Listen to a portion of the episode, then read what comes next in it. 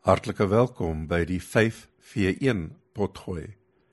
5 minute se bepeinsing vir die eerste dag van die week. Ek is Martin Badenhorst, lid van die Predikerorde of terwyl Dominikaners in die Katolieke Kerk. Die bepeinsinge het as vertrekpunt die Bybeltekste soos uiteengesit vir Sondag in die leksonarium. Die 25ste Sondag in die jaar Kruis B. Hierdie week het ons ook weer 'n paar verse oorgeslaan. Voor ons evangelieles hierdie week het die verheerliking van Jesus plaasgevind en het Jesus die jong man wie besetene was van selfskadelike neigings genees. Iets het nie te diep posgevat in Petrus oor die loop van hierdie voorvalle nie. Petrus se belydenis het die aanname bevat dat gesag noodwendig oorheersing beteken.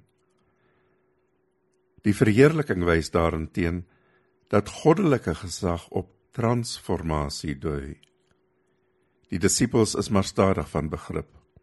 Ons is ook disippels. En selfs 2000 jaar later klou ons vas aan die idee dat gesag die afdwing van een se wil op 'n ander beteken dat gesag verandering, transformasie tot gevolg moet hê, is nie vir ons duidelik nie. Om gesag te dra is om verandering te omhels, om in die goeie te groei. Ware gesag is nie oorheersend nie, dit is transformerend. Daarom dan dat Jesus die kind naderbring. Die kind moet nog groei nog tot volwassene verander. Ten tye van Jesus se aardse lewe was die kind nie teken van onskuld nie, maar van weerloosheid. Kinders was die eiendom van hulle ouers, 'n besitting, nie heeltemal wese nie. Miskien het die houding ontstaan uit 'n hoë sterftesyfer van kinders op daardie stadium. Om die kind as besitting te beskou, stig afstand wat die sekerheid van tragedie ietwat meer draagbaar maak. Dit het ook die gevolg gehad dat kinders heeltemal weerloos was, net soos enige ander besitting. Om kinders volle menslikheid toe te dig is 'n onlangse en glad nie 'n algemene verwikkeling nie.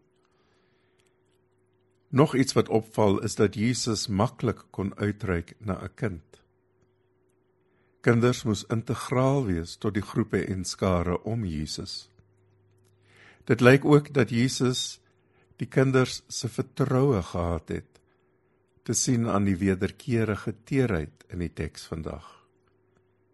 'n Egte teerheid waarin kerk en samelewing tekortskiet as dit by die gevolge kom van leierskap wat besoedel is met aannames van heerskappy eerder as om verlig te word deur die noodsaak van transformasie.